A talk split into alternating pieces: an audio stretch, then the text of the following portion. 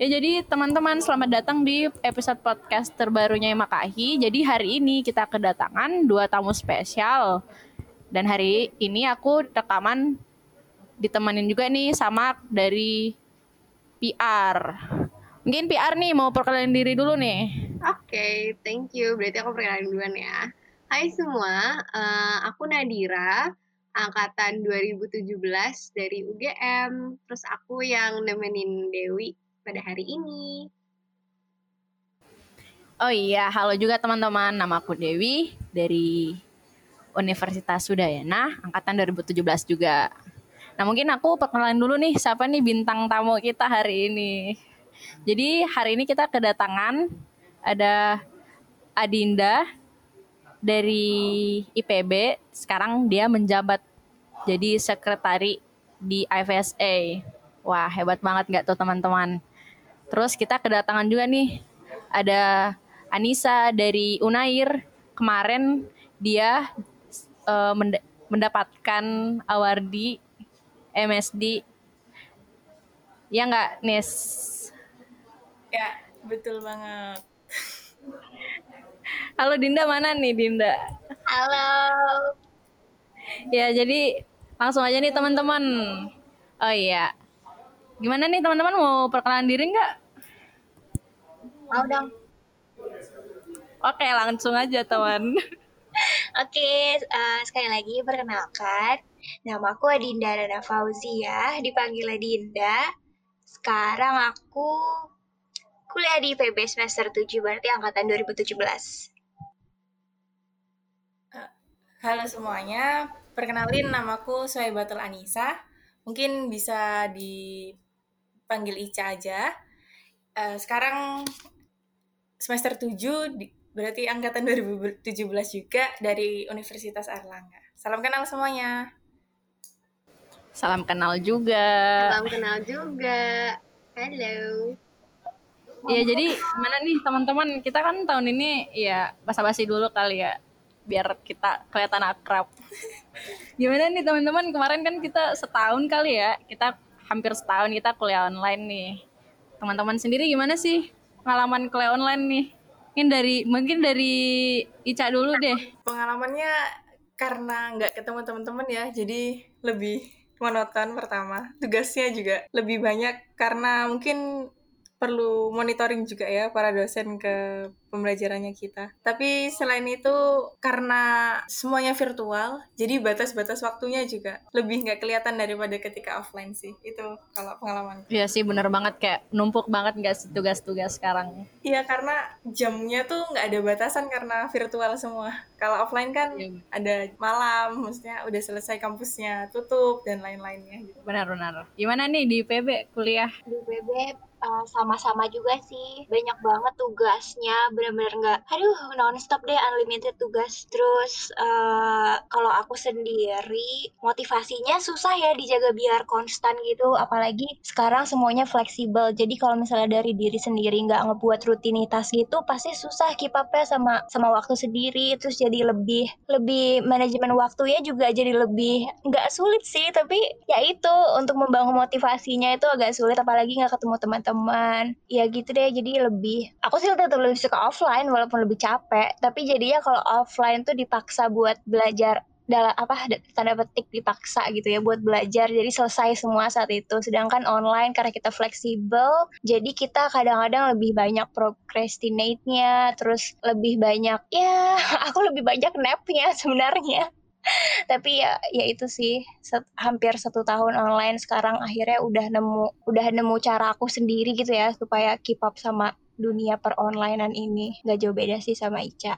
Kuliah online bener sih dikata dari kata Ica sama kata Dinda. Kita kebanyakan kayak lost track gitu. Setuju banget.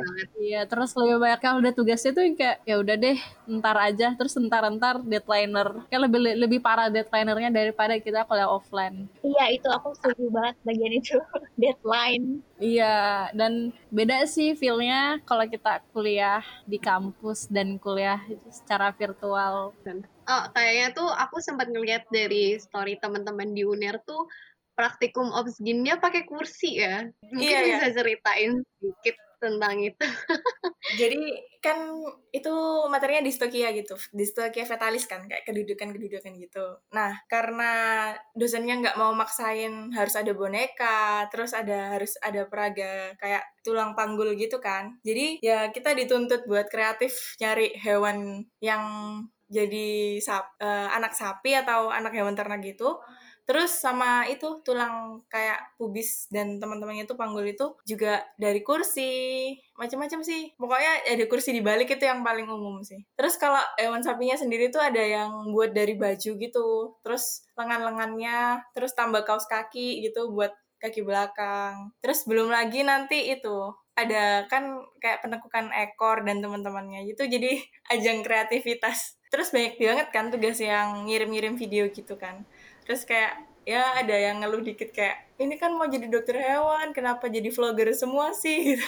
tapi lucu sih kayaknya kalau kita pas udah lulus kayak jadi ini gak sih kayak bahan-bahan ceritaan gitu iya. kita dulu kuliah kita kan dulu kuliah bikin bikin kayak jadi vlogger gitu upload di YouTube aku juga pernah ada tugas kuliah terus kita kayak disuruh bikin TikTok gitu demi apa oh my god yeah. kreatif oh.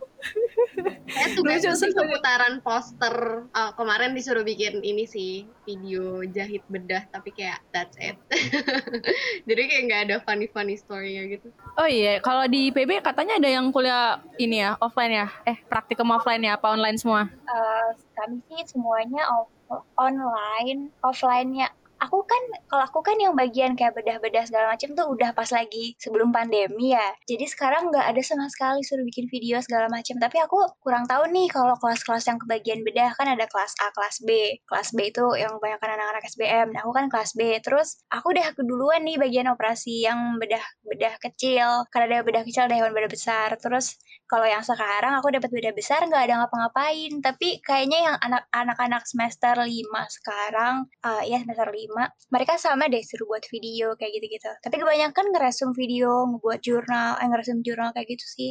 Aku malah malah pengen ada video-video kayak Ica itu seru jadinya. Aku membosankan. Aku selalu ngeliat story teman-teman dari UNER tuh pasti ketawa-tawa soalnya kasihan banget pakai kursi. Tapi lucu banget. Unik gitu boleh nih, nih kalau cak kalau capek nugas nih bikin video, boleh nih langsung ke Dinda aja. biar biar ada kerjaannya Dinda gitu. Oh jasa tugas, jasa tugas. Oke, okay, mungkin moving on to the next question kali ya. Um, aku bakal tanya ke satu-satu nih. Uh, jadi nanti jawab jawabnya satu-satu gitu ya. Eh maksudnya aku nanya ke satu orang dulu terus nanti baru ke satu orang yang lagi gitu ya. Oke, mungkin untuk pertanyaan pertama nih bakal buat uh, dan ditujukan kepada Dinda. Um, Dinda kan sekarang sebagai uh, sekretari PRC di IBC Global kan. How are you settling down sebagai sekretari PRC kayak gimana awal gimana sih rasanya awal menjabat sekarang gitu? Uh, khususnya pas lagi pandemi gini ya seru sih dan apa ya rada nggak aneh tapi lucu aja gitu karena pemilihannya pun harusnya kan datang ke kongres which is uh, usually offline tapi sekarang online. Jadi ini benar-benar new experience for every one of us. Terus uh, pas udah kepilih of course aku sangat excited dan udah baik banget aduh pengen ini pengen itu tapi I have no idea what to do. Waktu itu belum ada sama sekali bagian tugas dan segala macam. Kayak udah ambis banget gitu awal-awalnya. Tapi makin ke sini karena memang kan harusnya ada juga live meeting segala macam kan yang harus datengin minimal sekali uh, tapi gak bisa jadinya sekarang online live meeting. Terus uh, untuk untungnya sekarang presidennya si Meryl dia ngebuat Kahoot! Quiz tapi uh, dari personal background uh, dari officialsnya. Jadi biar biar semakin dekat gitu karena memang live meeting kan khususnya biar jadi makin dekat ya tapi bukan secara pekerjaan gitu lah istilahnya. Jadi ya sekarang lebih banyak cari-cari akal gitu untuk mereplace hal yang sesuatu kita bisa lakukan offline tapi jadi online. Kayak gitu sih. Dan kerjaannya ya menurut aku mungkin sama-sama aja kayaknya. Karena memang kan uh, dari dulu kerjaannya uh, jarak jauh gitu kan. Jadi dari sisi apa sisi kerjaannya sih sama-sama aja kayaknya. Gitu. Thank you. Oke. Okay. Terus um, kamu exactly kayak sudah berapa lama sih menjabat sebagai sekretari dari PRC? Sebenarnya aku lupa itu Agustus atau September ya mulainya. tapi mungkin udah empat tiga bulan. Ya mungkin Oke. empat bulanan. Mhm. Ya empat bulan deh kayaknya. Seingat aku September ya kongres. Berarti empat bulan. Em, terus kayak dulu apa sih yang memotivasi kamu untuk jadi sekre gitu? Kayak kenapa kamu uh, sebelumnya kan kamu udah ini ya, udah berperan juga di standing committee, right? Um, apa sih Mhm. kayak yang buat kamu untuk kayak oh kayaknya jadi sekretari itu adalah next step buat aku di IBSA gitu. Apa sih yang memotivasi kamu untuk jadi sekre? Awalnya kan aku di Scofi, terus ke Scout. Dan di Scout sebenarnya yang aku merasa benar-benar passionate saat aku menjalankannya gitu. Jadi di Scout itu uh, waktu itu posisinya uh, journal creator, which was uh, buat jurnal untuk IVSA Journal, tapi dari sesi eh dari uh, Scout-nya aja gitu kan. Dan aku suka banget tuh kan nge kayak ngedesain-desain segala macam. Memang aku masih sangat noob, masih sangat amateur waktu itu, tapi dari situ aku mulai belajar dari websitenya. Aku pakai ada suatu software dari situ, terus dari YouTube segala macam. Dan aku rasa setiap aku ngerjain, bukannya aku ngerasa pressure, tapi aku senang gitu loh. Dan aku sambil belajar hal baru yang aku suka gitu. Dan ini juga sekalian ngebantu yang lain segala macam lah. Intinya kayak yang aku lakukan, yang aku suka itu bisa bisa banyak manfaatnya gitu. Dan aku seneng kan di situ.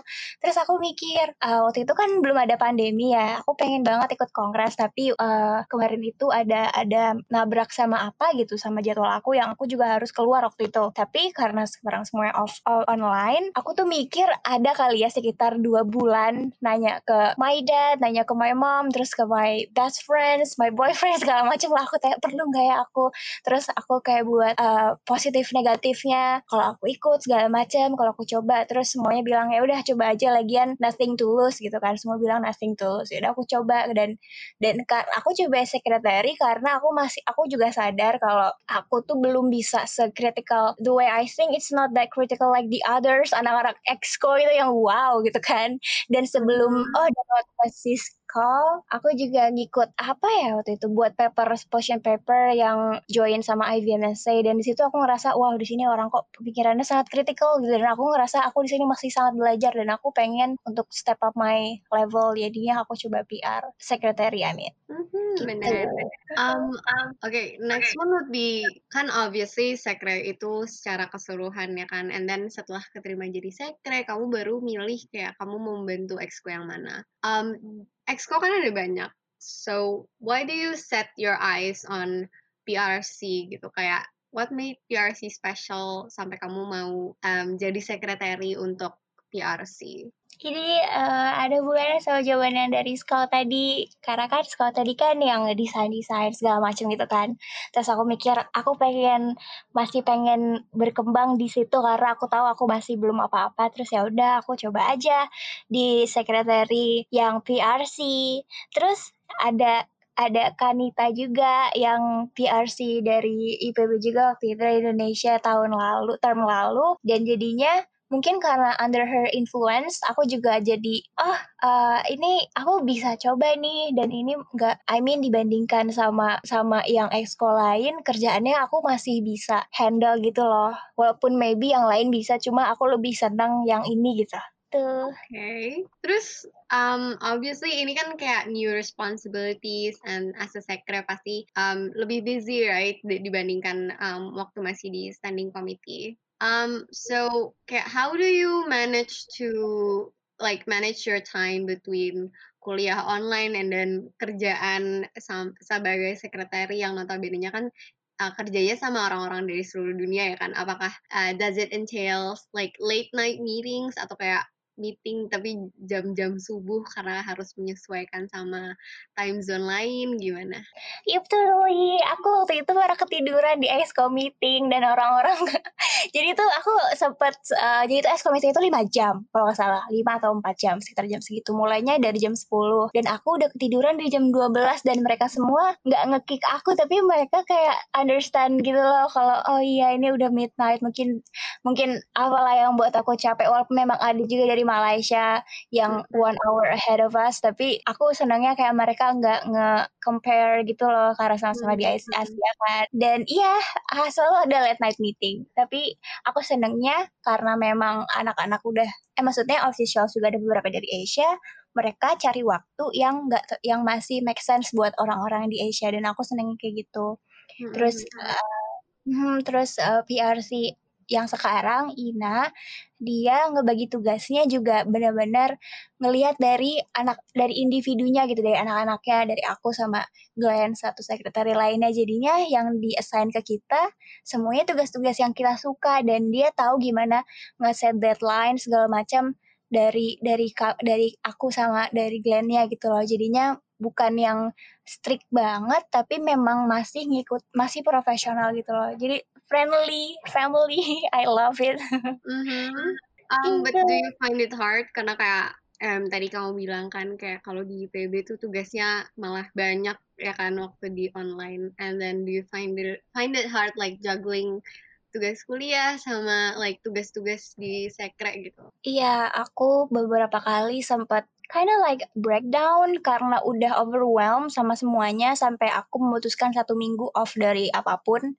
Waktu itu pernah tapi setelah udah udah menemukan my balance lagi aku mulai nyusun satu-satu walaupun sekarang memang masih terseok-seok ya susah gitu. Aku harus tetap ngomong sama orang telepon teman tiba-tiba nelpon halo aku gabut gitu. Kamu gak apa-apa aku telepon gitu, gitu kayak gitu susah sih tapi ya I think we are all struggling with the same thing so we, apa I'm not alone gitu aku tahu ke semuanya hmm. struggle benar benar Oke, okay, thank you so much Dinda. Oke, okay, moving on. Aku akan uh, nanya ke Ica sekarang. Hai Ica. Hai Nadira. Oke. Okay. Jadi untuk Ica ini pertanyaan buat kamu adalah um, Ica kan baru-baru ini jadi awardee ya kan di salah satu scholarships buat Fed Students tahun ini. Yang hadiahnya tuh kayak wow like uh, in my opinion itu kayak salah satu scholarship buat Fed Students terbesar. Dan apalagi kayak untuk um, region Asia tuh sangat-sangat-sangat kompetitif gitu ya kan. Um, kok awalnya kamu uh, tertarik buat daftar gitu? Kayak apa sih yang jadi dorongan kamu untuk kayak, oh daftar aja deh ke sini padahal kan pilihan scholarship tuh banyak gitu. Jadi uh, aku tahu informasi scholarship ini kan juga dari Instagramnya Isla sendiri kan, terus dilanjutin ke PBI Makahi itu. Sebenarnya seluruh motif atau dasar aku apply apa pun kayak organization, scholarship atau event anything itu pasti pushing myself dari batas-batas yang sebelumnya aku punya sih. Jadi kalau uh, motivasi aku kenapa daftar beasiswa yang ini sih uh, coba aja hal baru gitu. Pengen tahu mana batasan yang aku sudah cukup kira-kira ada perbaikan atau enggak dan selama kuliah ini juga progresku tuh nggak cepet-cepet banget nih maksudnya uh, belum terlalu familiar dengan kegiatan internasional yang gimana-gimana jadi menurutku ini waktu itu motifnya adalah sarana aku belajar hal-hal sederhana kayak buat eh, motivation letter, mungkin mempersiapkan uh, recommendation letter karena pastinya goals ke depan kan mungkin setelah selesai di Erlangga kan pengen juga nih lanjut mencicipi uh, ke luar negeri untuk melanjutin studi. Nah, di sini kemarin rencananya itu ya iseng aja karena nggak ada yang expect kan uh, uh, karena prestasiku juga nggak bisa dibilang yang wow sekali dan itu regionnya kan Asia Oceania di mana kalau kita lihat peta itu kayak uh, ini besar banget dan kita tahu Asia itu game strong banget gitu kan kayak mm -hmm. we know how Asian compete gitu kan mm -hmm.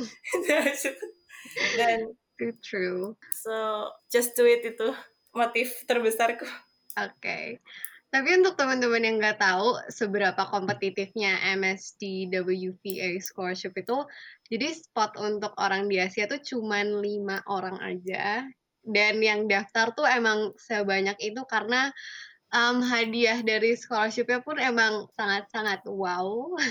jadi kayak emang great job buat Ica karena kayak wow you did so great um, sampai bisa jadi awardee di salah satu scholarship terkompetitif yang aku tahu. So okay, um, so aside from being awardee kayak kegiatan kamu kegiatan kamu tuh apa aja sih, Cak? Kayak academic wise and non-academically? Kalau yang akademik mungkin biasa ya kayak teman-teman uh, sekarang lagi kuliah online. Terus aku juga jadi kayak co-lead gitu di Ormawa FKH, tapi uh, Ormawa Kerohanian itu di situ kalau di FKH-nya. Uh, sekarang sih baru bulan September kemarin diamanahin jadi a project manajernya SCO, uh, Standing Committee on One Health-nya ISA. Itu sih jadi pengalaman barunya di situ. Mungkin ngerasain hal yang mirip-mirip lah ya sama Adinda juga tentang jadwal meeting itu juga.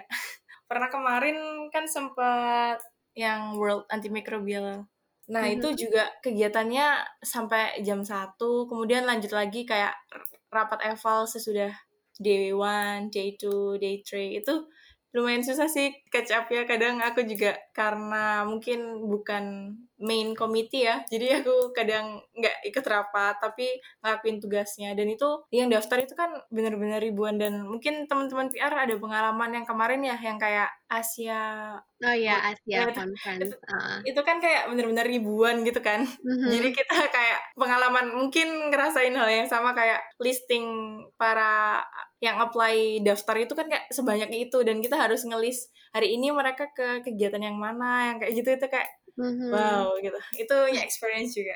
Terus mau nge-highlight pengalamannya Dinda itu jadi teman-teman yang di IFSA sendiri menurutku yang paling suka itu aku mereka apresiatif banget sih sama hal-hal yang kita lakuin. I mean itu kayak little thing tapi berarti banget sih kalau buat aku. Jadi kayak kerjanya itu menyenangkan Right. Uh-huh.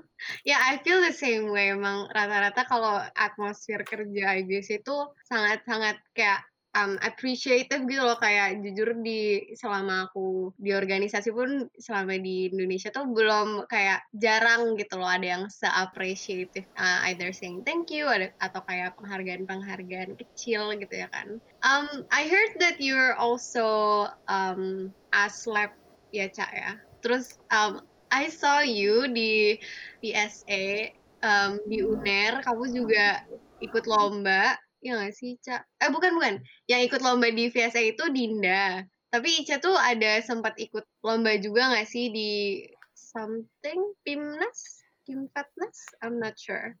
Can you like elaborate more on that? Uh, jadi pengalaman pertama ikut like paper competition itu waktu itu di IPB tuh, yang VSCE yang veterinary scientific and creative event yang biasanya uh, theme-nya tuh rabies itu. Jadi kayak nah itu pertama kali akhirnya uh, as a vet student in the first year aku kayak emang apa ya masih takut masih nggak percaya diri gitu. Kayak apakah harus coba hal-hal yang menurut aku itu nggak bisa. Tapi makin ini buat pelajaran semua sih kayak apalagi yang masih muda-muda ini nggak nggak semester akhir kayak aku. Jadi kayak bener-bener yang nentuin ikut atau enggak itu atau pantas atau enggak itu harusnya bukan kita. Kita tuh pokoknya coba aja gitu. Itu si VSCE pertama sih pengalamanku. Mungkin yang terbaru tapi sayangnya ini online. Kemarin itu ada INEMS jadi dia kayak bagian dari lomba namanya Liga Medika yang mengadakan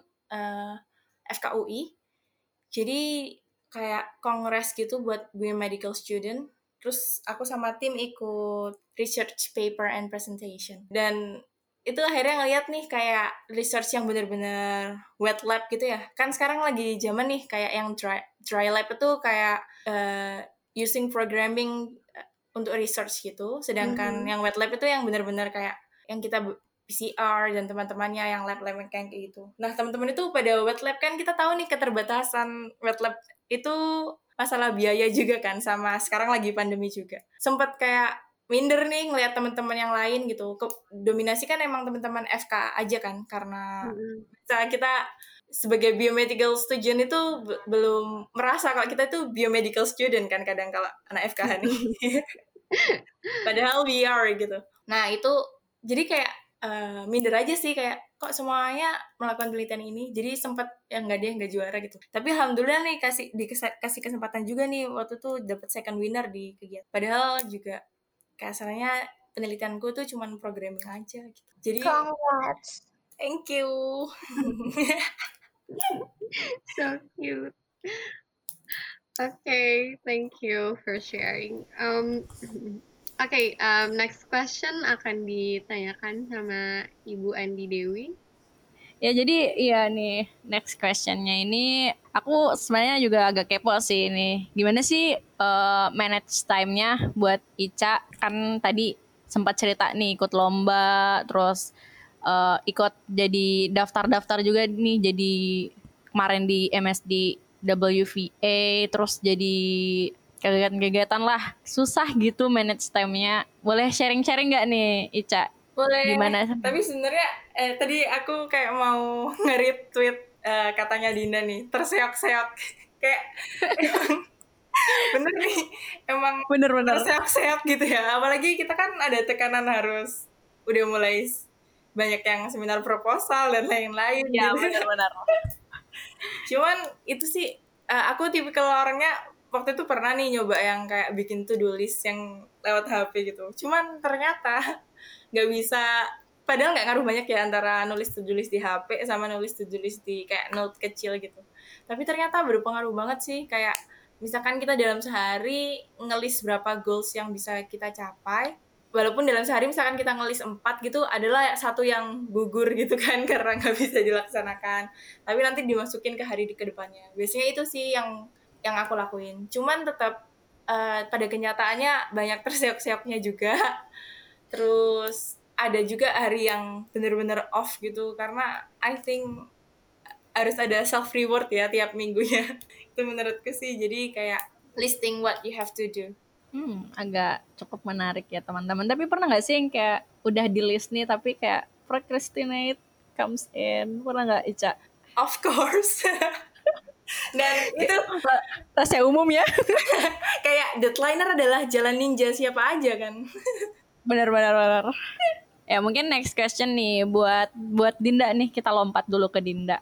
Halo Dinda. Halo. Ya jadi mau nanya nih kira-kira apa aja sih kayak kesulitan kamu selama menjabat pas masa-masa pandemi gini? Boleh sharing-sharing nggak nih? Um, sebenarnya di luar di luar tugas, menurut aku tugasnya nggak berat kok. Dan Ina did a great job untuk kebagi ya itu sih sebenarnya tugasnya dari motivasi aja sama manajemen waktu. Aku juga ada to-do list sampai Google Calendar, sampai kalau aku ada event. Kan, oh iya pandemi ini di luar IBSC, aku tuh baik banget kayak misalnya di uh, tolong jadi pembicara ini segala macam atau cuma jadi apa moderator gitu kan. Dan itu untuk ngingetin aku supaya enggak lupa dan supaya aku bisa enggak sebelum masukin tugas kuliahku deadline segala macam, aku pakai Google Calendar sama ada Microsoft To-do List gitu. Dan itu selalu dikasih reminder misalnya beberapa jam sebelumnya atau bahkan sehari sebelumnya kalau acaranya penting.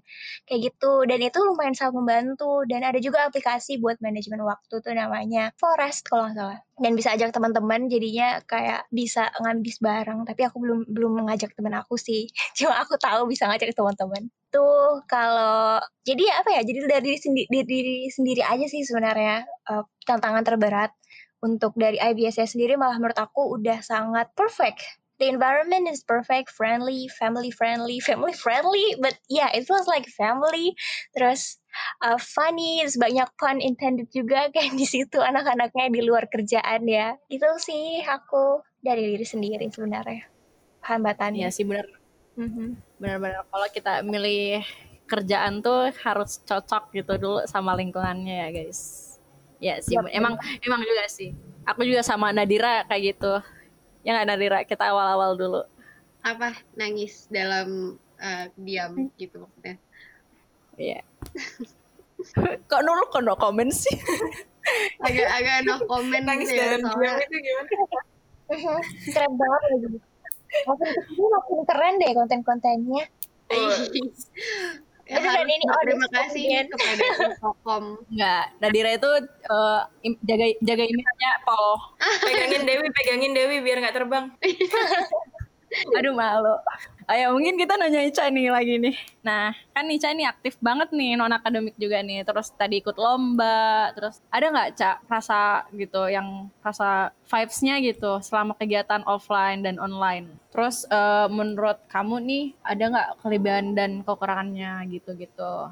Uh, kalau ini biasanya kalau lomba itu kan yang sebelum presentasi itu uh, waktu online itu aku expect kayak ah paling juga nggak sedek-dekan offline karena offline kan bener-bener kita ketemu juri terus nggak ada dalam tanda kutip contekan-contekan yang bisa kita raih gitu kan. Kalau off kalau online kan kayak lebih accessible gitu kan yang bahan-bahan apa pun di depan laptop. Cuman ternyata tetap aja sama deg-degannya. Sama-sama maksudnya challenge-nya tuh sama-sama kerasa di kegiatan-kegiatan itu cuman nggak enaknya itu uh, kayak minusnya banget itu perkara nambah relasi sih. Jadi karena interaksinya tuh nggak banyak dan kayak aneh kan kalau kita kenalan sama teman-teman lomba lewat chat zoom gitu kan kayak aneh banget gitu kan. Kalau uh, ketemu offline kan kita bisa kenalan secara langsung. Jadi lebih luas aja. Jadi euforia lombanya tuh biasanya kan yang paling penting menurut aku sih kayak nambah relasi nambah temen karena begitu nambah temen itu kita tuh jadi lebih luas aja pandangannya. Nah susah nih didapetnya waktu online apalagi kalau lomba itu kan kayak event cuman 2-3 hari gitu kan kecuali kalau organisasi itu masih bisalah deket uh, dengan akal-akal tertentu itu. Cuman kalau lomba itu yang sedikit susah itu sih. Ya sih bener kak. Kita kalau ikut lomba online gitu ya, meskipun open cam tapi malah lebih fokus ke masing-masing. Ya, beda ya sih emang. Betul betul. Sama kalau kita ketemu langsung kan kita langsung bisa approach. Perkenalkan nama saya. bercanda guys tidak seperti itu sih sebenarnya. Lebih parah kan deh ah? Lebih parah kan? Jangan jangan diekspos dong. Malu. Ya Allah kebadutannya masuk podcast Imakahi emang dari dua mungkin Adinda nih Adinda mau cerita cerita juga nggak nih? Eh Din sebarkan kebadutanmu. Iya sebarkan Din. Kebadutan. Jangan malu-malu aku bingung kayaknya aku badut terus deh. Aku sampai nggak tahu yang mana yang bukan badut itu kan kita sekarang mengekspos. Aku waktu itu juga Judul... lomba kayak yang v VSE ya iya iya. yeah, apa VSE itu? VSE benar kata uh, benar kata Ica jadi fokus ke ke lebih fokus ke diri sendiri. Terus tetap deg-degan tahu walaupun bisa ada contekan. Setuju. Tapi iya. Ya, tetap deg-degan dan benar-benar keringet dingin sampai aku harus matiin AC di kamar aku waktu itu. Dinginan. Terus waktu pas apa gue tuh pas jawab jawab pertanyaannya. Dan pas jawab pertanyaannya tuh kalau kalau online menurut aku nggak enaknya. Uh, kadang ada delay.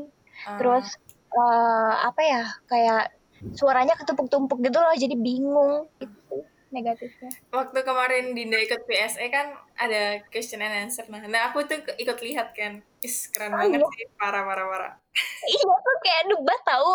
iya, jadi kayak waktu itu ditanyain sama dosennya gitu. Ya nggak sih Din? Habis itu iya. dijawab lagi terus kayak debatnya jadi MUN debat lomba gitu.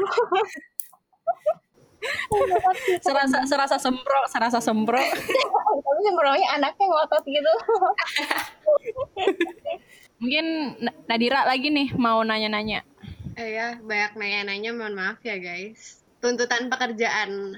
Oke, okay, uh, pertanyaan selanjutnya ditujukan ke Dinda. Buat Dinda nih, um, apa sih yang jadi favorite thing kamu selama kamu menjabat menjadi sekre PRC pasti kan ada kayak hal-hal yang unik-unik gitu tapi kayak what's your favorite? Like your most favorite one?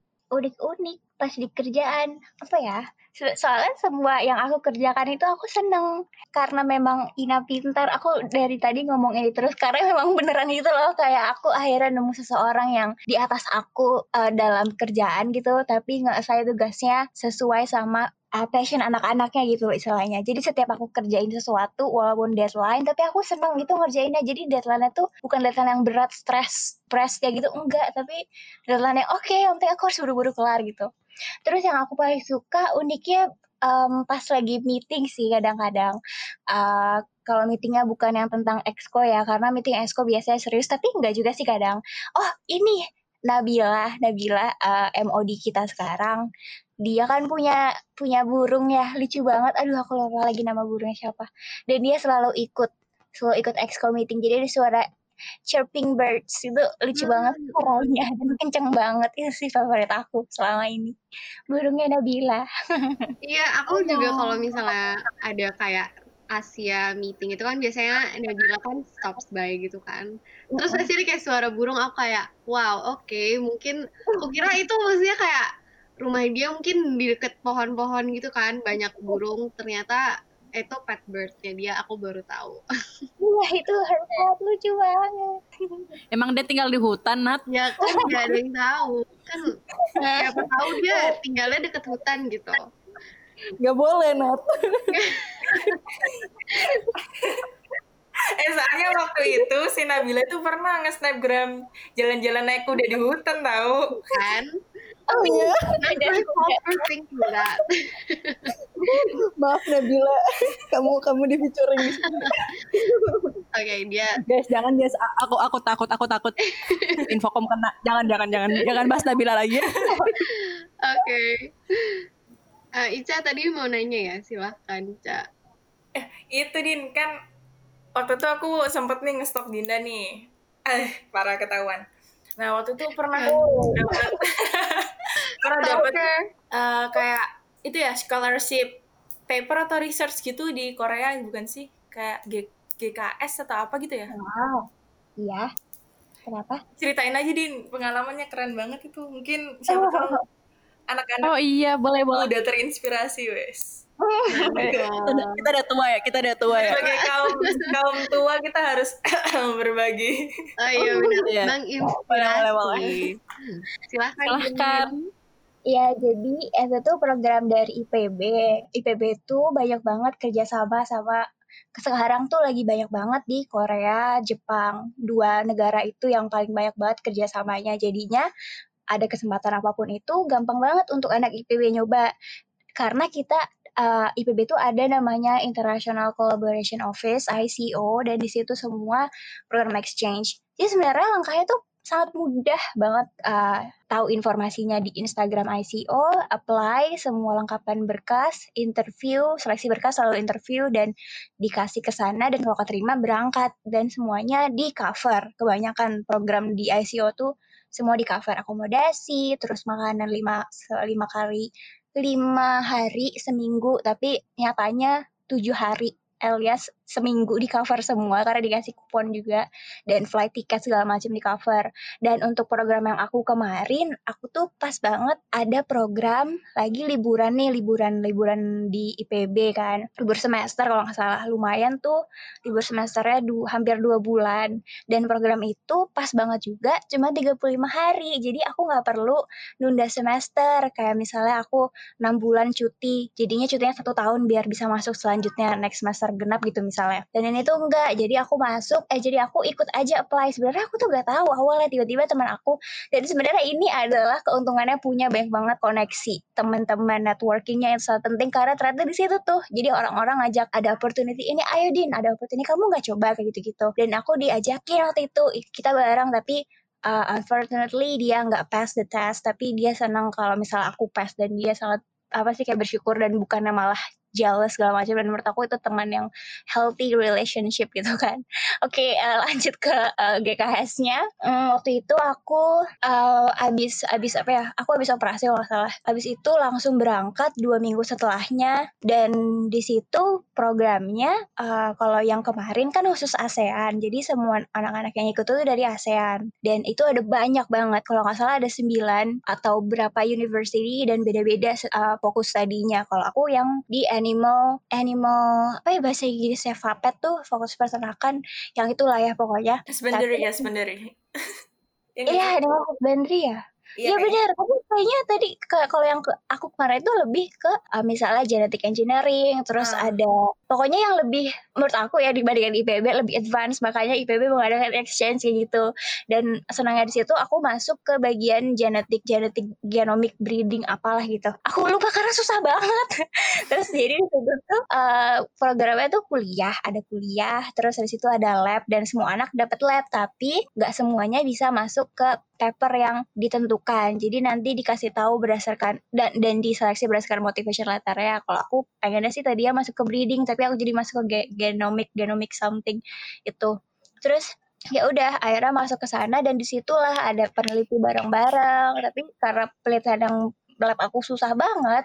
Jadi ya kami dikasih yang udah selesai, terus kita harus interpretasi, tapi uh, bantu sedikit-sedikit uh, nambahin data, terus buat buat poster, terus habis itu presentasi, presentasi di Cungnamnya, habis itu ada presentasi final yang aku gak tahu kalau ternyata itu kayak kompetisi, ya dari semua universitas digabung jadi satu waktu itu di universitas, aduh aku lupa lagi, tapi swasta dan di situ semuanya ngumpul dan presentasi bareng-bareng dipanggil satu-satu per tim. Habis itu baru deh hari itu juga. Apa besok ya besok ya kalau salah. Dikasih tahu pemenangnya. Terus uh, aku tim aku bukan aku ya tim aku uh, masuk lumayan aku seneng banget tuh kayak kita sama saling nggak ngira dan nggak nggak berharap nggak expect apa pun gitu loh dari situ. Dan dan menurut aku dari semua lab yang ada di waktu itu di Cungnam ini yang paling susah. Karena kita sampai nggak tidur sampai benar-benar dari sampai dari sore sampai pagi lagi kita ngumpul bareng di dormnya ngebahas ngebuat ngebuat poster. Oh ya di situ aku juga sedang aku buat poster.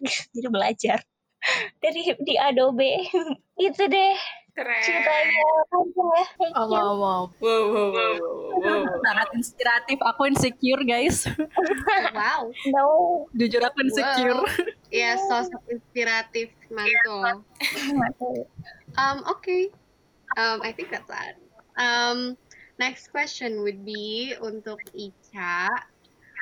Um, ada nggak sih bedanya sebelum dan sesudah kamu jadi awardee gitu kayak is there any uh, particularly new experience yang enggak kamu dapatkan sebelum menjadi awardee gitu. Tapi sekarang kamu merasakan setelah kamu jadi awardee untuk MSD WVA scholarship. Uh, ini karena awardingnya itu bentuknya kayak dana hibah gitu ya, uh, kayak funding gitu kan. Nggak ada mentorship dan teman-temannya itu. Jadi sebenarnya secara praktikal nggak ada yang beda drastis banget sih. Kecuali mungkin karena hmm, kemarin kayak sempat share kayak di platform LinkedIn dan teman-temannya. Jadi mungkin itu juga termasuk nambah relasi juga ya. Jadi kita lebih kenal. Misalkan ini kan aku tahun 2020 ya. Itu kegiatannya annually. Terus nanti bisa kenal yang 2019 kemarin ada teman yang nyapa juga yang sama-sama penerima 2020 dari region Afrika. Terus kebetulan kan project manager di SKO ini tahun ini ada dua kan. Aku sama ada satu lagi temen dari Bangladesh. Nah itu penerima award yang sama tapi tahun 2019 cuman jadi hal yang lucu aja. Tapi kalau perubahan lainnya mungkin kayak itu kak. E, karena sebelumnya uh, tingkat kepercayaan dirian itu lumayan nggak terlalu tinggi. Jadi sekarang nggak boosting gitu kan. Jadi kayak oh batasan aku pantas atau enggak itu emang bener-bener bukan aku nih yang nentuin. Jadi intinya nyoba aja. Jadi nge-boosting banget sih. Terus mungkin ini ini karena uh, kehambat pandemi juga ya. Jadi fundingnya belum aku apa-apain masih aman. Mungkin setelah pandemi mereda baru coba apply buat yang upgrading itu. Uh, nah itu waktu kemarin itu terlepas ini kayak out of topic sedikit ya yang Dinda cerita tentang kayak uh, ngelakuin exchange gitu menurutku teman-teman semua emang harus nyoba nggak sih kayak exchange mm-hmm. once in a while itu bener-bener kayak uh, nunjukin dunia-dunia yang kita nggak lihat sehari-hari nih biasanya kak kemarin pengalaman pernah exchange di Chulalongkorn ya Thailand mm-hmm. itu tuh misalkan kita kayak lost motivation atau FKH sendiri kan luas banget nih fieldnya. Kayak kamu bisa ke mana aja. As clinical atau fat public health or anything gitu. Ketika kita exchange itu kayak ngelihat lebih luas lagi. Jadi kayak ngerasa oh pernah nyobain di sini atau magang lah gitu.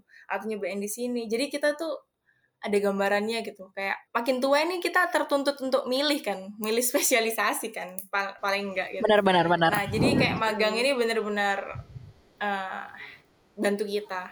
Jadi perubahannya sih itu. Oke, okay, pertanyaan out of topic. Kayak kalian pernah gak sih kayak ngerasa like um like you're in the right track of fate. Ngerti gak sih kayak oke, okay, uh. dan kayak I don't see myself berada di jalan lain selain ini. Iya. Yeah. Betul betul betul. Iya sih? Uh, yeah. Dan waktu SMA itu atau mungkin kayak mayoritas di Indonesia sendiri studi kedokteran hewan itu tidak seterkenal atau mungkin tidak terapresiasi dengan baik yeah. ketimbang studi-studi yang lain.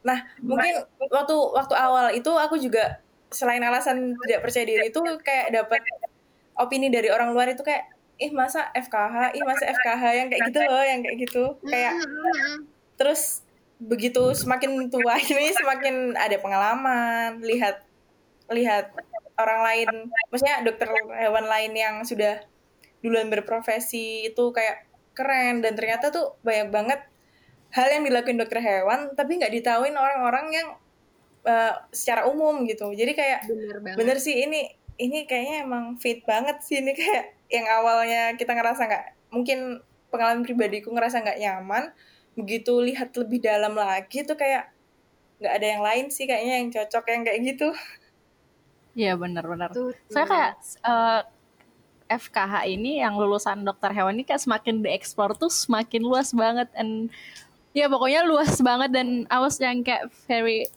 amazed yang kayak wow. Oke lanjut kembali ke topik. Oh ya, jadi ini pertanyaan buat eh, Dinda dan Ica. Mungkin kalian boleh sweet siapa di luar mau jawab Itu bercanda ada penting batu kertas Aku Kertas. ya aku gunting din aku gunting Oh, yaudah aku kertas. Gak salah saya selesai ya udah aku tanya dulu ya teman-teman. Jadi uh, buat keduanya nih kira-kira apa sih experience yang kamu dapat setelah melalui proses buat sampai kalian ke tahap ini? Boleh sharing-sharing nggak nih buat Dinda dan Ica? Mungkin mulai dari Ica dulu deh. jadi eh, kalau kayak recalling atau ngelakuin flashback ya dari awal jadi mahasiswa di mana aku sempat mempertanyakan diriku sendiri kayak bener nggak sih masuk sini gitu kayak orang-orang emang benar-benar mempertanyakan juga gitu kayak kenapa FKH gitu kan dan aku ngerasa kayak bener-bener waktu itu terpengaruh sih kayak iya ya kenapa ya? Gitu yang kayak emang beneran? Gitu. Terus waktu kemarin nih aku lagi nonton suatu drama gitu kan. Terus di dalam situ tuh ada kayak yang nge-quotes gitu kayak uh, don't let someone else opinion uh, of you become your reality. Gitu kayak mungkin orang-orang beropini kedokteran hewan akan biasanya orang itu yang ditakutkan kan sulit kerja nggak punya uh, nggak punya banyak uang dan lain-lainnya gitu kan. Dan kupikir nggak iyain seluruh komentar orang itu nggak ada bagusnya gitu. Kayak malah mending fokus on yourself terus find your passion.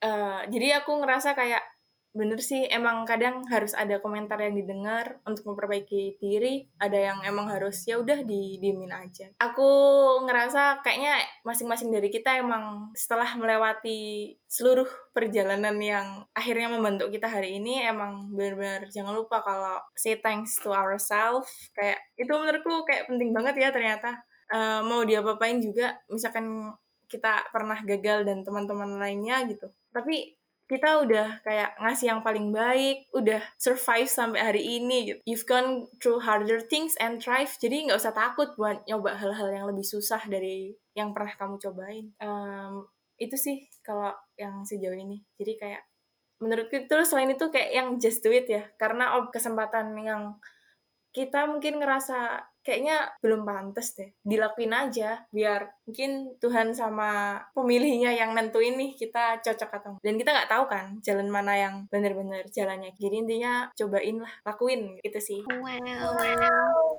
wadaw Wadaw. Mungkin Ica nih. Eh Ica, kok Ica lagi sih? Terima kasih buat mungkin buat Dinda nih, Dinda. Dinda gimana nih? Um, aku pengen nge-highlight dulu tadi jawaban. Yang benar kita harus be fearless, be brave, sama aja sih untuk coba hal baru. Karena kalau aku terus ngebuat diri aku untuk step out of out of my comfort zone, but tapi nggak always ya. Ada ada ada tetap ada apa boundaries yang aku set. Kalau aku nggak mau aku nggak karena menurut aku ini terlalu negatif. Karena itu yang selama selama aku pikirkan sebelum aku mencoba dan yang sampai akhirnya membawa aku sejauh ini. Dan iya, aku selalu merasa dari apalagi dari dulu aku zaman SMA nih, aku kerjanya tuh cuma bisa dibilang aku yang nerd, kerjanya cuma belajar, terus les karena ada yang intens segala macam ya itulah aku anak salah satunya. Terus um, aku gak ikut, aku cuma ikut olim sekali, which is uh, lomba-lomba nerd juga kan. Terus terus ya udah aku sangat sangat gak mau mencoba hal-hal yang menurut aku ngabisin waktu aku bikin aku gak nyaman. Bahkan aku gak ikut osis waktu zaman SMP SMA dan ketika aku masuk ke IPB aku ngerasa aku harus merubah cara pandang aku yang dulu dan aku harus uh, mengekspos diri aku ke semua opportunity yang ada supaya aku bisa tahu. Siapa tahu nanti aku punya sudut pandang baru akan kehidupan segala macam. Dan aku terus mau berkembang dari situ. Jadinya dari semester satu aku banyak banget coba-coba hal baru. Dan ya udah banyak banget juga gagalnya. Banyak banget juga jatuhnya segala macam sedihnya suka duka. Tapi ya mungkin sampai menurut aku sekarang aku masih belum apa-apa dibandingkan orang-orang lain dibandingkan kalian. Aku masih masih masih apa ya anak ayam yang baru menetas gitu lah istilahnya. Belum masuk dunia kerja kan? Ya gitulah. Jadi aku sampai sekarang terus mau mencoba opportunity. Tapi mungkin sekarang karena udah banyak experiences aku bisa lebih wise untuk memilih opportunity seperti apa yang mau aku ambil. Gitu sih. Wow. Tapi aku mau also highlight jawabannya Ica di mana kayak untuk kayak thank yourself. Karena um, bener sih kayak uh, yang Ica bilang tuh kadang kita lupa bahwa kita tuh uh, apa ya di balik kesuksesan kita tuh ada diri kita sendiri gitu loh. So that's a beautiful word menurut aku kayak kadang orang lupa bahwa uh, apa pun yang kita lakukan itu juga uh, sebagian besar tuh ada proses dari kita terus ada kerja keras dari kita dan kadang mungkin orang uh, terlalu apa ya kayak get caught up um, in life sampai lupa bahwa kadang appreciating oneself itu adalah suatu hal yang penting dan emang kayak if you like kalau if you don't appreciate yourself kayak people won't gitu loh. So that's Mm-hmm, setuju. Dan setting your boundaries boundaries juga menurut aku salah satu cara kita appreciate my apa ourselves gitu. Jadi kayak biar nggak overwhelm kayak gitu yeah gitu. very true uh, mungkin langsung aku nanyain lagi nih ke Dinda ke Ica juga. Buat teman-teman nih mungkin siapa tahu yang dengar ini ada yang mau daftar jadi sekre di IFSA atau mau daftar juga di scholarship. Nah biar mereka punya gambaran nih uh, dari Dinda dan Ica mungkin bisa sharing nggak? Gimana sih prosesnya kemarin gitu-gitu? Siapa nih mau jawab duluan? Ica deh. Ica deh. Boleh boleh boleh.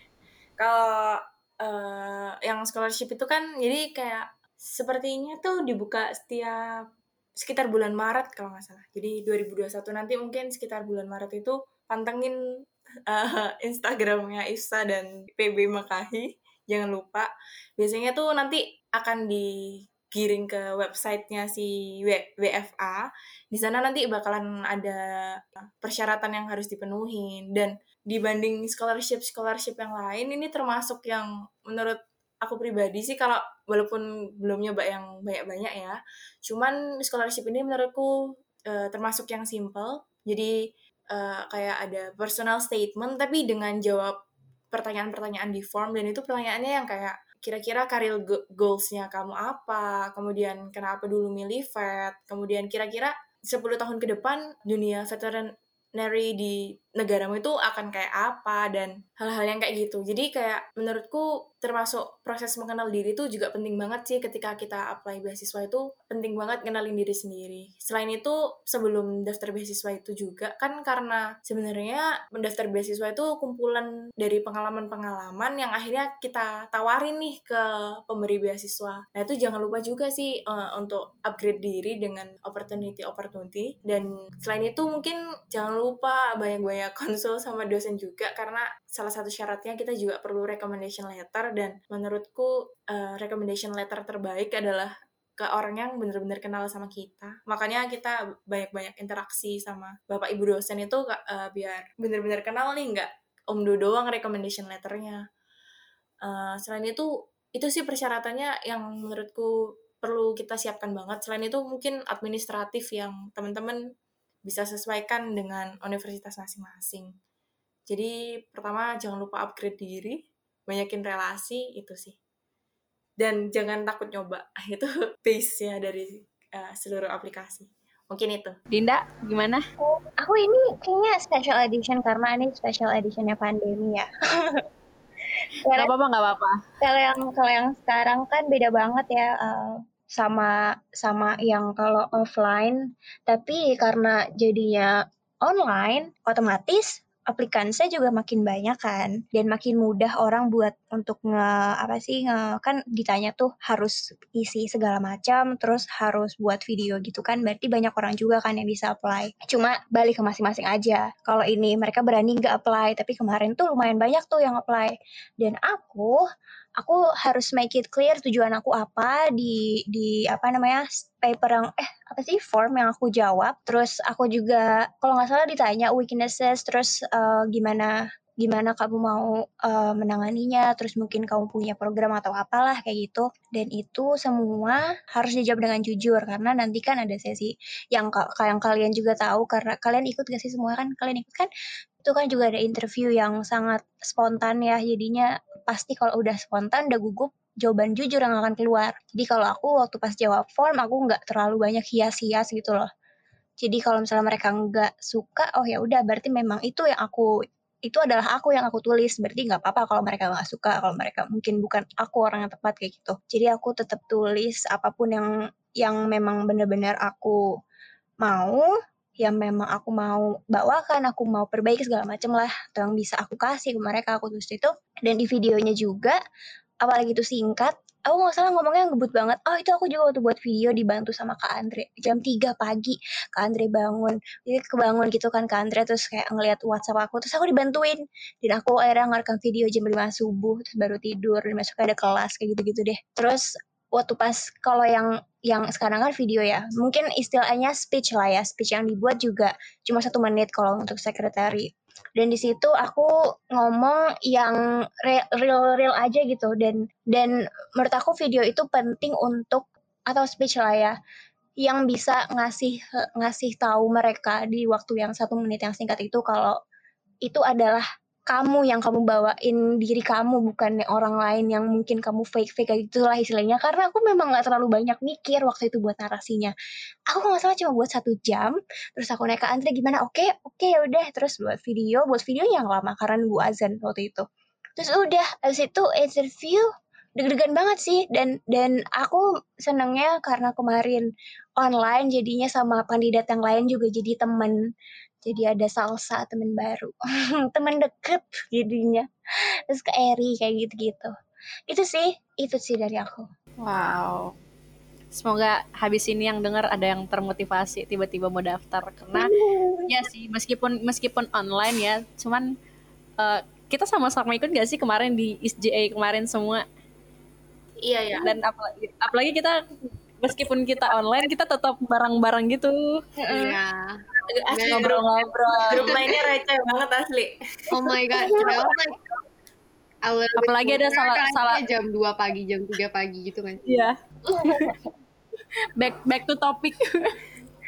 Kekejar waktu. nanti dimarahin sama yang ngedit nih Aku yang edit oh guys. ya udah nggak apa-apa Ram- eh, lamain aja lamain aja Menangis. Oke, jadi jadi lanjut aja. Mungkin next question nih, mungkin terakhir dari aku juga, question terakhir dari aku. Nah, buat teman-teman yang mau daftar, kira-kira apa aja sih yang mau dipersiapkan, yang perlu dipersiapkan, tips dan triknya, sama kalau mungkin kalian ada advice buat mereka, monggo. Ica lagi deh biar sesuai urutan tadi Dinda, Dinda, Dinda. oh gini gini gini Dinda, Dinda. Oke. Oh, tadi persiapan apa aja? Hmm. Pertama, persiapan mental. Kedua, persiapan dokumen. Ketiga, persiapan apalin yang di dokumen. itu singkatnya sih, tapi paling paling awal yang persiapan mental dan kalian harus tahu kerjaan apa yang kalian mau apply. Kalian harus baca kalau misalnya mau apply VSA. IBSA itu apa segala macam dibaca tuh. Aku memang nggak baca sampai detail tapi lumayan sih aku baca banyak dan aku akhirnya tahu dan mi- milih PRC itu dari situ sebenarnya dari IBSA Wiki itu kalau aku sama sama cari dukungan moral support dari keluarga dan teman-teman. Penting itu. Mungkin Ica nih. setuju. Eh, ini hal yang sama tapi berbeda. Eh berbeda tapi sama ya. Jadi kayak bener uh, informasi itu penting banget. Jadi aku sempat cerita ini waktu kelas di aku lupa namanya apa? Roadshow ya? Roadshow-nya IP eh P, PB di UB ya waktu itu. Jadi emang hmm. kayak jeleknya aku melakukan last minute application gitu. Jadi banyak banget halang rintang karena emang last minute. Jadi menurutku emang sih uh, pertama baca informasi sejelas-jelasnya kira-kira waktu itu aku pantengin terus tuh frequently asked questionnya di websitenya WVA karena mungkin aku akan ngalamin trouble yang gimana-gimana dan ternyata iya aku ngalamin. Itu jadi kita tahu nih kayak harus ngapain dan solusinya gimana. Jadi baca informasi itu penting banget. Yang kedua janganlah kalau yang hal-hal besar gitu jangan deadline lah kalau diusahakan gitu. Karena takutnya nih karena ini setahun sekali kesempatannya dan belum tentu ada tahun depan gitu kan. Nah itu jadi mending jangan deadline yang ketiga itu boosting personal uh, experience kita. Karena emang karena beasiswa sendiri kan jadi kita kayak memperkenalkan diri kita ke orang lain. Kira-kira kita pantas nggak sih dikasih scholarship ini? Kayak gitu. Jadi emang benar-benar harus memperkuat personal experience. Itu. Wow. Mungkin nih uh, surprise question buat Nadira. Apa tuh bu? Eh. nah kita kan juga nih mau demis nih. Yang PB juga mau demis nih kira-kira ada nggak nih yang perlu dipersiapkan tips dan triknya juga Oke, okay, aku akan menjawab sebisa aku. Nanti Dewi tambahin aja ya, karena kan kita udah sama-sama dua tahun juga di PB. Jadi, aduh malu. Jadi kalau menurut aku misalnya teman-teman mau daftar PB, ini tapi untuk terkhusus buat PB gitu ya. Um, teman-teman tuh harus make sure kayak kalian ngerti kalian mau daftar ke PB, specifically ke suatu departemen tuh kayak kerjaan departemennya tuh apa. Kalian tuh kayak familiar familiarize yourself dengan kerjaan dari departemen itu. Jadi nanti pas masuk-masuk tuh nggak yang kaget kayak kok tiba-tiba kayak gini gitu um, pertama itu and then know kayak PB itu kayak gimana sih? Kayak atmosfer kerjanya gitu gimana sih? Kayak um, emang mungkin beda-beda ya setiap tahunnya tapi kayak ada gambaran kayak kira-kira bakal kayak gini sih gitu. Jadi nanti pas udah di dalam tuh kayak beradaptasinya cepat. Apalagi kalau PB tuh mungkin hampir sama ya kayak IBC bahwa kita tuh adalah long distance organization. Jadi kayak emang ketemunya tuh jarang banget dan emang mostly online gitu. Um, dan uh, kadang kayak people struggle dengan kerja yang serba meetingnya online and then uh, maksudnya kayak dalam keadaan normal pun kita meetingnya online gitu loh. Jadi kayak susah dibandingkan yang bisa ketemu tiap hari. Kalau misalnya ada kerjaan apa yang urgent itu bisa langsung terus ketemu gitu. And then um, selain itu kayak apa ya persiapin mental sama komitmen um, apalagi untuk kayak PB itu kan emang lumayan besar ya karena skalanya nasional juga. Kayak um, you don't know uh, orang macam apa yang kamu makan ketemu terus orang macam apa yang you have to deal with gitu. Dan kayak it takes uh, sometimes it takes a lot dan komitmen kamu. Karena lagi-lagi kayak kita nih di organisasi tuh hitungannya kayak membantu orang gitu loh. Jadi kayak kita adalah servant dari members members kita jadi kita ngurusin members kita and it takes a lot dan kayak sometimes uh, orang-orang yang nggak bisa apa ya kayak nggak ngelihat bahwa kayak tanggung jawab kita kalau kita udah masuk organisasi tuh sebesar itu gitu. Um, terus obviously seperti uh, kayak syarat-syarat pendaftaran itu juga kalian persiapkan. Terus apalagi ya? Apalagi Deo? Kira-kira yang harus dipersiapkan? Apalagi ya? Um, iya sih, mostly udah di cover sama kamu sih. Cuman bener banget sebelum kalian daftar, kalian harus aware dulu sama kira-kira apa yang kalian mau daftarin dan uh, sebagai tambahan juga mungkin I don't know it's just yang personally to me cuman kalau aku misalkan daftar sesuatu itu ya aku anggapnya uh, apa ya sebagai lahan pengembangan diri mungkin ada mungkin uh, ada kali ya yang orang-orang mungkin daftar uh, PB buat uh, mungkin nambah relasi or mereka pengen belajar tentang ini gini-gini. Ternyata dan uh, jujur juga selama dua tahun di PB itu banyak sih yang banyak yang dipelajarin juga cara ngatur waktu dan cara ngatur emosi juga ya So true. mengembangkan skill dan skill gibah sepertinya. Malu. Itu adalah hal yang keceplosan. Oke, gabung. skill. Ngebadut. But ya yeah, mostly ya kalau kalian mindsetnya itu bukan ingin biasa sih karena mungkin karena aku juga daftar eh daftar apa kemarin uh, ngelihat apply apply jadi staff ya. Terus ada yang pengen mengembangkan ini ini infokom hmm, nggak usah guys. Mending kamu mengembangkan diri sendiri lalu mengembangkan ini.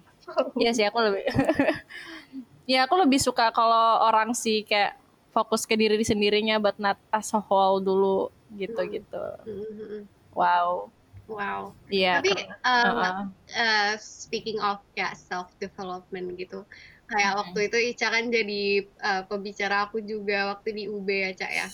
Um, Ica talks about time management di mana kayak kita tuh bisa ngelatih time management tuh di saat kita emang uh, apa ya?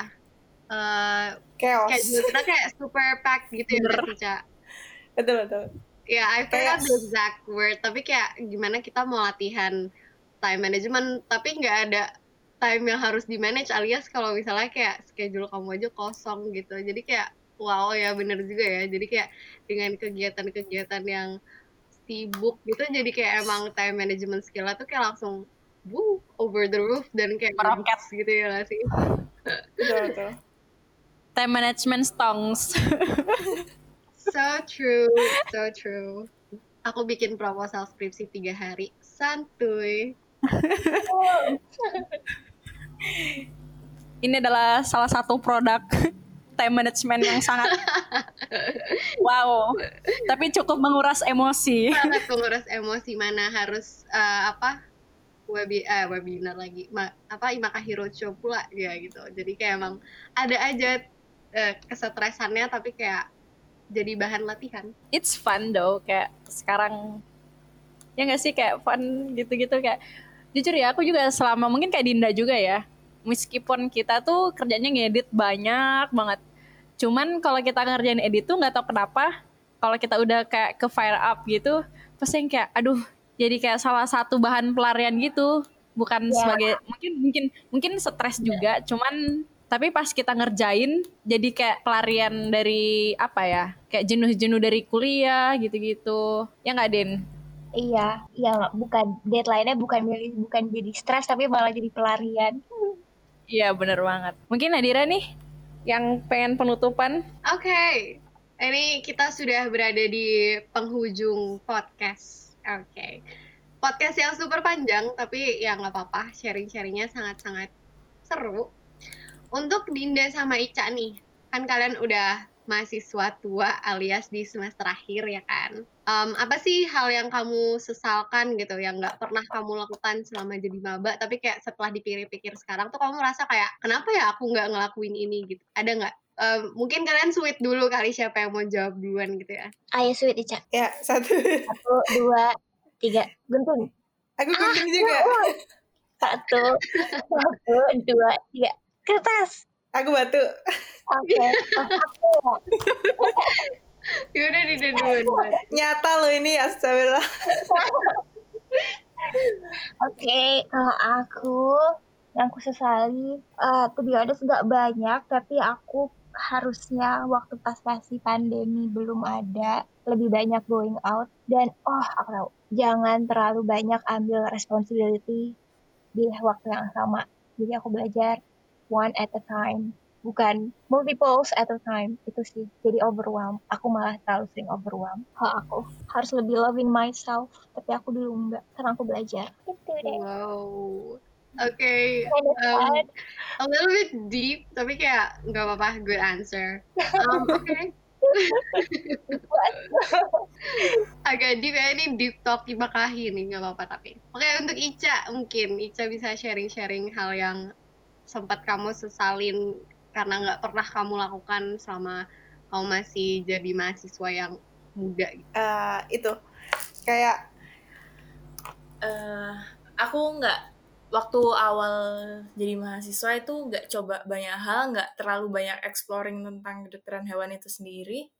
Jadi kayak akhirnya, maksudnya semakin tua itu semakin kayak akhirnya harus kebut-kebutan dan itu akhirnya jadi overwhelming juga. Jadi menurutku karena aku dulunya tidak percaya sama diriku sendiri kalau bisa dan pada akhirnya nggak mencoba, itu sih yang aku sesalin. Kayak ini tuh hal sederhana tapi menurutku perlu diingetin buat diriku sendiri dan ke teman-teman semua kayak kalau misalkan kita nyoba itu masih 50-50 antara kamu goals atau harus coba lagi. Sedangkan kalau nggak coba sama sekali, udah kayak 100% nggak bakalan berhasil gitu. Jadi menurutku, udahlah cobain aja gitu.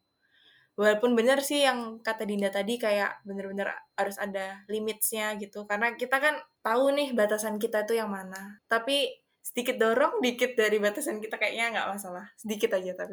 Iya, jangan over the line. Too much pushing. betul, betul. Betul betul betul. itu kayaknya. Oke, okay, last question buat kalian berdua. Um, coba kalian kasih um, sepatah dua patah kata atau kayak sekalimat atau just words yang menurut kalian tuh bisa memotivasi teman-teman yang masih belajar di kedokteran hewan supaya uh, tetap semangat urutannya lagi-lagi sweet ya teman-teman dipersilahkan sweet lagi Oke. Ayo sweet. Tapi aku lagi bener-bener gak kepikiran kata-kata apa-apa ya. Kamu ada kepikiran gak, Din? Ada, ada. Kamu dulu, Din. Bentar ya. Aku tak merenung sebentar. Oke, ini aku I'm still living with this saying. I don't know is it actually a saying or not, tapi aku dari dulu, dari aku masih umur dua, umur 17 tahun aku percaya sama ini. Uh, magic happens when you do not give up, even though you want to, because the universe always falls in love with a stubborn heart. Itu yang buat aku terus striving sampai sekarang. Gitu deh. Ouch. Oke, Ica, gimana? Udah siap? Aku bisa nge-retweet aja nggak? boleh deh boleh. boleh boleh Retweet. retweet ini ini Mungkin nih. kamu bisa relate. Ini Oh ini di di quote retweet nih, di quote retweet. retweet dulu deh. Kemarin itu aku main Instagram nih. Astagfirullah kenapa ya? Sumbernya tuh kayak kurang relevan gitu ya. Harusnya jurnal gitu kan? Lanjut Gun. Eh, kayak terus waktu itu ini si mau di Ayunda tuh cerita gitu kan kayak tentang kelas eh, aku nggak tahu ini kelas apa dia apa. Terus dia nge kayak nge ngepost tentang it yang kayak eh, post it gitu. Terus eh, bilang kayak quotesnya you have gone through harder things and thrive. Dan itu sekarang recently jadi my most favorite quote sih. Bener-bener kayak bener kita udah menjalani banyak hal lebih susah dan ternyata bertahan dan bertumbuh. Jadi ya gitu aneh banget. Gitu deh. You have gone through harder things and thrive so true. Tapi memang bener sih Ca. Kayak tanpa tanpa hardships gitu kan you never learn seba sampai mana.